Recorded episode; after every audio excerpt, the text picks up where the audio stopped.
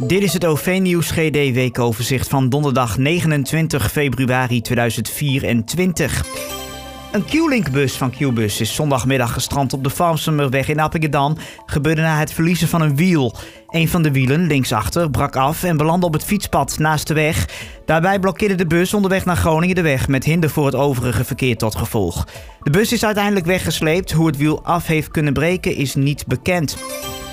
Meerdere gezinnen in Meerstad hebben zondag aan het einde van de middag onverwacht het hoogtepunt van hun weekend meegemaakt. Een brandmelding in een bus bleek mee te vallen en leidde tot exclusieve rondleiding. De chauffeur van een Q-busbus had alarm geslagen omdat er rook uit zijn bus kwam. De brandweer, die met twee wagens ter plaatse ging bij het eindpunt aan de Vossenburglaan, kon al snel concluderen dat de rook afkomstig bleek te zijn van een vastgelopen rem. Dat probleem kon uiteindelijk door een monteur worden opgelost. Maar intussen was er behoorlijk deel van de omwonenden naar de bus gekomen om te kijken. En de brandweerlieden boden deze kinderen en hun ouders daarom ter plekke de mogelijkheid eens in een brandweerauto te kijken. Oftewel eindgoed al goed. Dennis heeft opnieuw een jaar met verlies achter de rug. Over 2023 draaide de spoorvervoerder een negatieve omzet van 191 miljoen euro. Het resultaat is wel een stuk beter dan dat van een jaar eerder. Toen werd er nog 421 miljoen euro aan verlies gedraaid.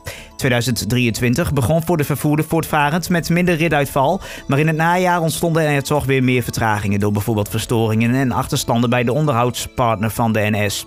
De waarschuwt ook alvast dat de treinkaartjes volgend jaar toch echt fors duurder moeten worden. Vorig jaar kwam de NS al met plannen om dit jaar de prijzen met 8,67% te verhogen. De politiek stak daar toen een stokje voor met een eenmalige rijksbijdrage van 120 miljoen euro om de prijsverhogingen te drukken. Bij de NS ziet men dit echter niet als een definitieve oplossing. Het bedrijf vreest volgend jaar uiteindelijk de prijzen te moeten verhogen met zo'n 10% ten opzichte van nu, mede door de gestegen kosten, zoals de nieuwe CAO voor het NS-personeel, waarin een loonsverhoging is opgenomen. Er zijn stijgers verschenen rondom het stationsgebouw op het hoofdstation in Groningen. Naast de verbouwing van het hoofdstation wordt tegelijkertijd ook het gebouw gerenoveerd.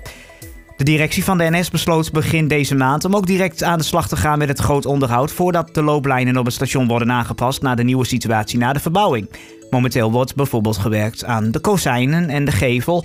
Uiteindelijk moet de westelijke vleugel van het gebouw een nieuwe bestemming krijgen, zo is besloten. Maar de precieze invulling daarvan is nog niet bekend. Busreizigers hebben op sommige lijnen rond Groningen te kampen gehad met flinke vertragingen door een nieuwe storing in de Zaanbrug in de stad gisteren. Daardoor bleef de brug omhoog staan. Sinds de opening van de brug in 2016 heeft de brug talloze keren problemen opgeleverd.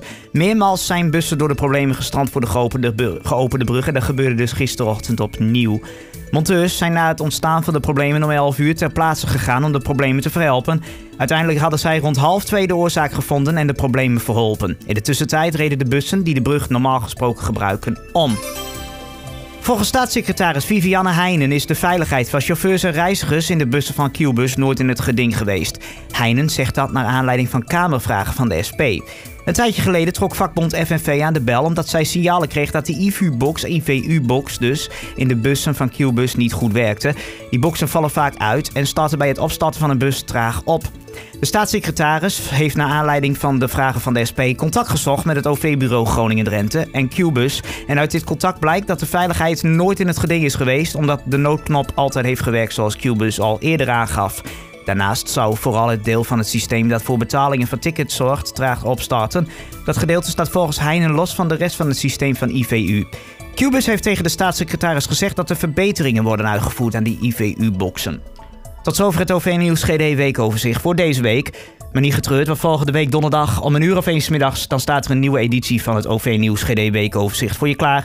En dat kun je altijd beluisteren via je favoriete podcast-app... als nieuwsbron via de Google Assistant... of gewoon eventjes door uh, ja, uh, ja, gewoon naar de website te gaan, ovnieuws.groningen.nl. En dan kun je ook de hele week gewoon alle berichten lezen. Zodra het gebeurt, komt het daar online. Dankjewel voor het luisteren voor nu en graag tot volgende keer.